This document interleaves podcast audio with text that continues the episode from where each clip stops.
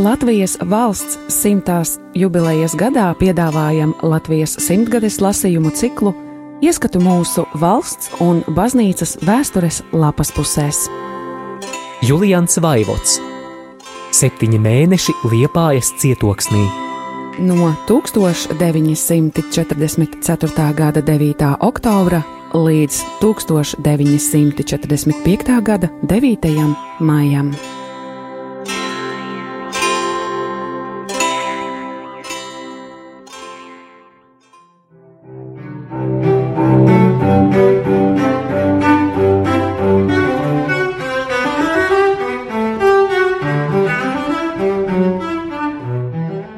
1945. gada 3. aprīlī. Lieldienas ir pagājušas.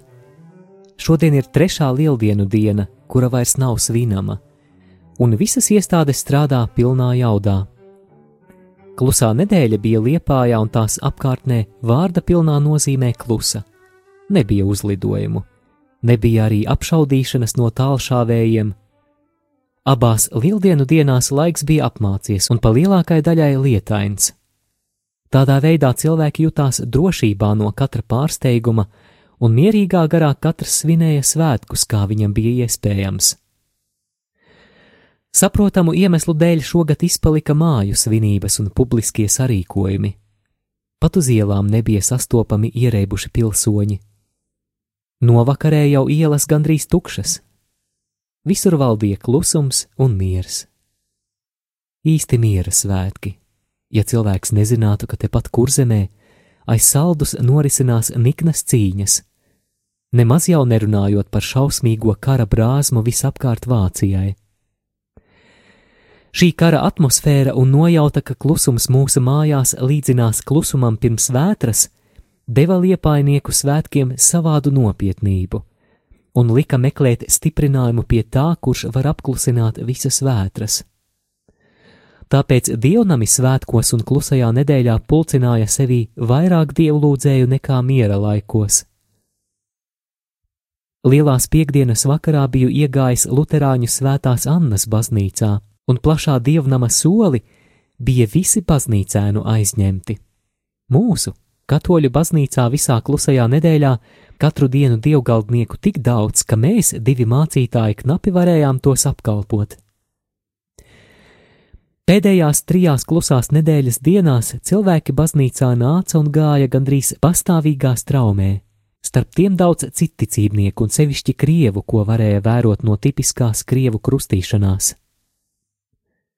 Kā par laimi šogad Kristus kaps baznīcā bija ļoti skaisti iekārtots. Tika pārvarētas visas grūtības, par kādām jau iepriekš rakstīju. Atradās labvēlīgi cilvēki, kas ar savām devām līdzēja pielabināties dārzniekam, un tādā veidā netrūka baznīcā arī skaisto lauru koku.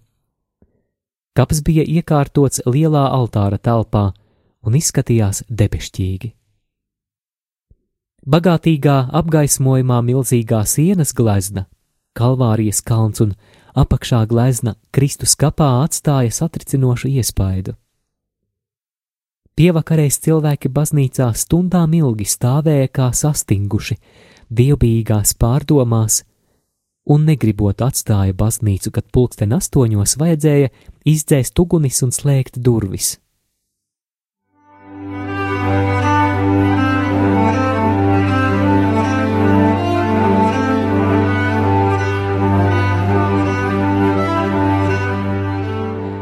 Rezurekcijas dievkalpojums šogad sākās pulksten septiņos rītā, un uz to laiku katedrāle jau bija pilna ar dievlūdzējiem.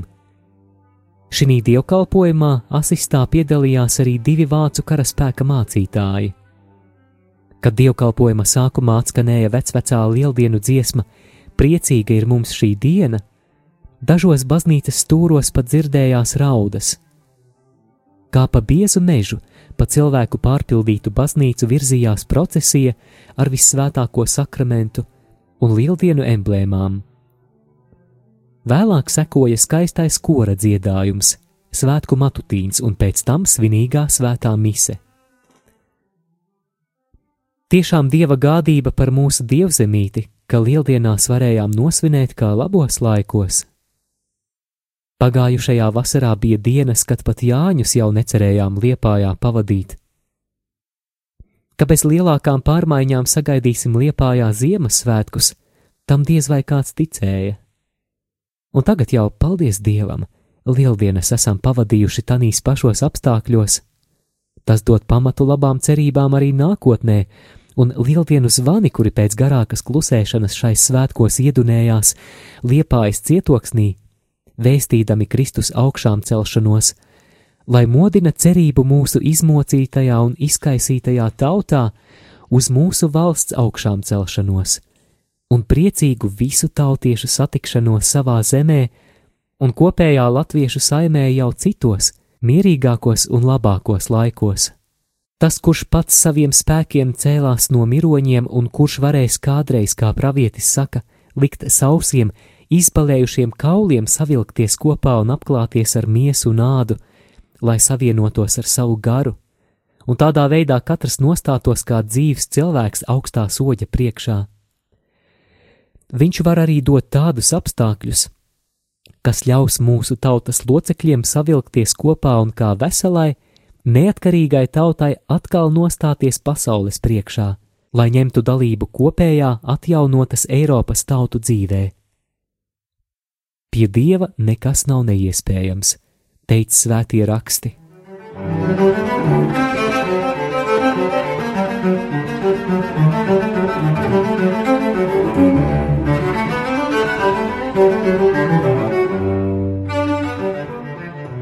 Tūkstoš 945. gada 4. aprīlī. Šīs dienas tēvies numurā 79 ievietots raksts, kurš liecina par jaunu kara formu Vācijā un tāpēc pelna ievērību. Es viņu burtiski norakstu. Jau pats virsraksts Vilkači viskondensētākā veidā izteica raksta saturu, kurš ir sekojošs. Berlīnē 3. aprīlī DNB. Lieldienu rītā ēterā pirmo reizi atskanēja jauna raidītāja Verwolf Vilkacis balss. Šis raidītājs pauž jaunas nacionālsociālistu brīvības cīnītāju kustības domu un aicina uz cīņu okupētajos Vācijas rietumu un austrumu apgabalos. Kustības galvenais štābs raidītājā pavēstīja vācu tautai proklamāciju, kas uzsver vācu tautas vīru, sievu, jaunekļu un jaunavu fanātisko gribu turpināt cīņu par savas tautas brīvību un godu arī vēl aiz ienaidnieka līnijām, un asiņaini atmaksāt ienaidniekam to, ko tas nodarīs vācu tautai. Briesmīgā gaisa terorā izpostītās vācu pilsētas rietumos, badam pamestās sievietes un bērni gar reinu, viss tas mācīs mūsu ienaidnieku nīst, teikts proklamācijā. Mūsu nosisto vīru asinis un asaras, mūsu izvarotās sievietes un noslapkavotie bērni ieņemtajos austrumu apgabalos sauc pēc atriebības. Vilkačos apvienotie proklamācijā apliecina savu negrozāmo, ar svinīgu zvērestu apliecināto apņemšanos nekad neliekties ienaidnieka priekšā, ar vien no jauna pretoties kaut arī visgrūtākajos apstākļos un ar visierobežotākajiem līdzekļiem, atsakoties no pilsoniskām ērtībām un nebaidīties no nāves, lepni un neatlaidīgi stāties ienaidniekam pretī un ar nāvi atriept katru noziegumu, ko tas nodara pret vācu tautu.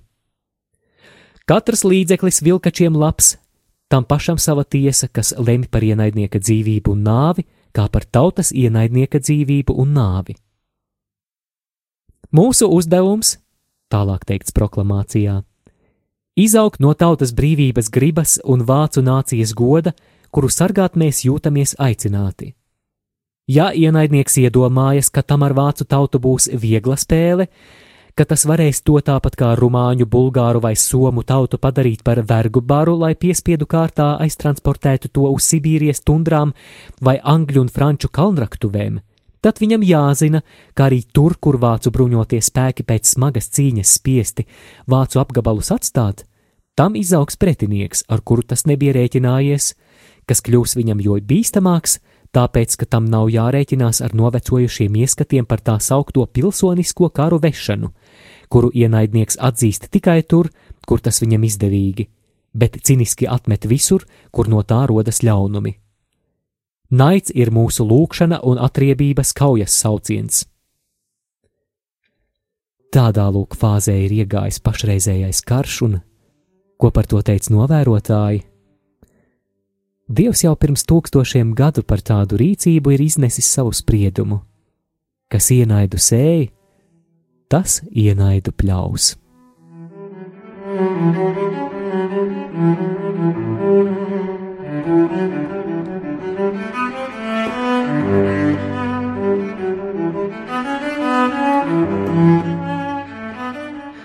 Tūkstoš 945. gada 4. aprīlī turpinājums Deutsche Zeitung im Ostland šīs dienas numurā 52, kuram virsraksts Das Volk steht auf, ievietots sekojošs uzsaukums.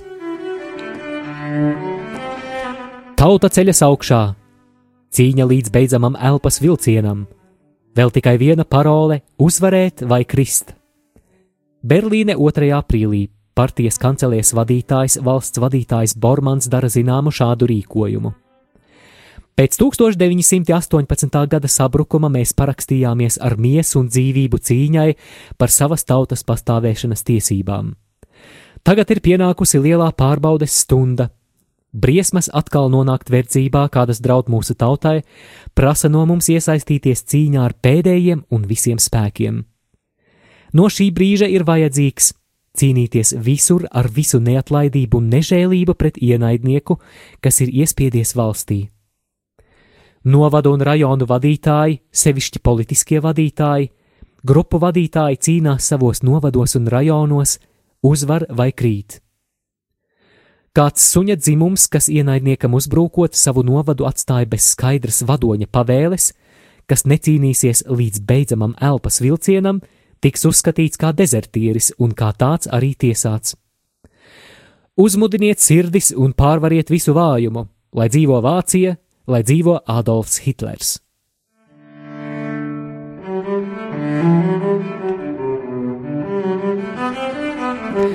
No Deutsche Zeitung im Ostland 52. numura.